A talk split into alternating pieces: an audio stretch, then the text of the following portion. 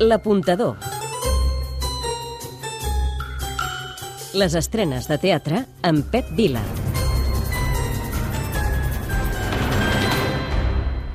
El masoquisme envaeix el Teatre Acadèmia de Barcelona.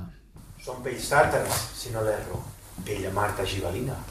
Probablement del Bé, no seria pròpiament el masoquisme, encara que segurament gaudirem del dolor o del plaer que ens proporcionarà la Venus de les pells. Cosim si es queda mirant les pells que té a la mà. L'aposta de l'apuntador. Tres motius per veure-la. Us puc demanar res? No diria que no, un cafè. Podeu prendre la... El primer, Perquè tot va néixer de la història de Leopold von Sacher Masoch, una obra polèmica que va ser adaptada pel dramaturg David Ives.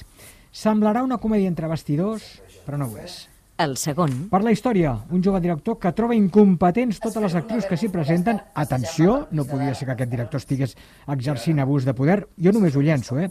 I quan plega, apareix Banda Jordan, disposada a tot per aconseguir el paper. el tercer, Doncs perquè no passarà el que suggeríem, però sí que passarà i hi haurà un joc de poder, de fascinació, de seducció entre un director i una actriu. A veure qui guanya. És una obra que ha tingut moltes versions. Fa uns anys al cinema la va fer Polanski i al teatre l'hem vist amb Joel Joan i Meritxell Calvo. Ara la protagonitzen Raquel Ferri, Rubén de Guia i dirigeix Guido Torloni. Hola, sóc Pere Arquilloé i és l'apuntador qui us ho recomana. Doncs estrena destacada d'aquesta setmana, però també Per què he vingut? M'ho pregunten sovint.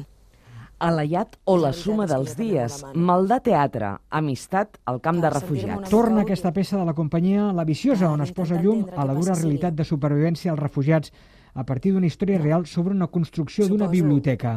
Muntatge interpretat per Georgina Latre, Manar Tallio i Moja Amazian.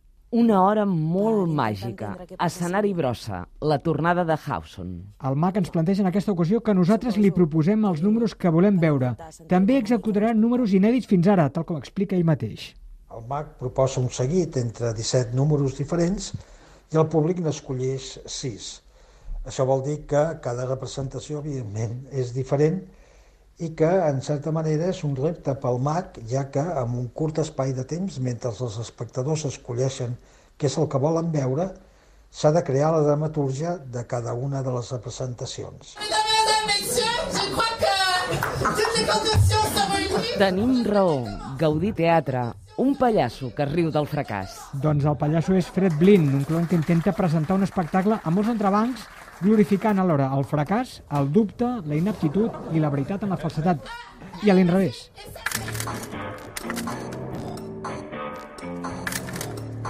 R, R, R. Teatre Lliure, Frederic, Sant Roque, Baronal... i tres grans creadors. L'artista Frederic Amat, la formació Cabo Son Roque, la companyia de dansa La Veronal. És un espectacle que barreja arts plàstiques, experimentació sonora i dansa electritzant. Només durant tres dies la podreu veure i això sí, dins la quinzena de la dansa metropolitana. les recomanacions. Al principi d'aquesta història estem a punt de llogar un local d'assaig. I aleshores va ser quan va començar... De què parlem mentre no parlem de tota aquesta merda? TNC, incondicionals de la calòrica. Mentre tots fan cabòries, les canonades s'embossen cada cop més. Es reconeix el problema, però es fa alguna cosa més? El millor.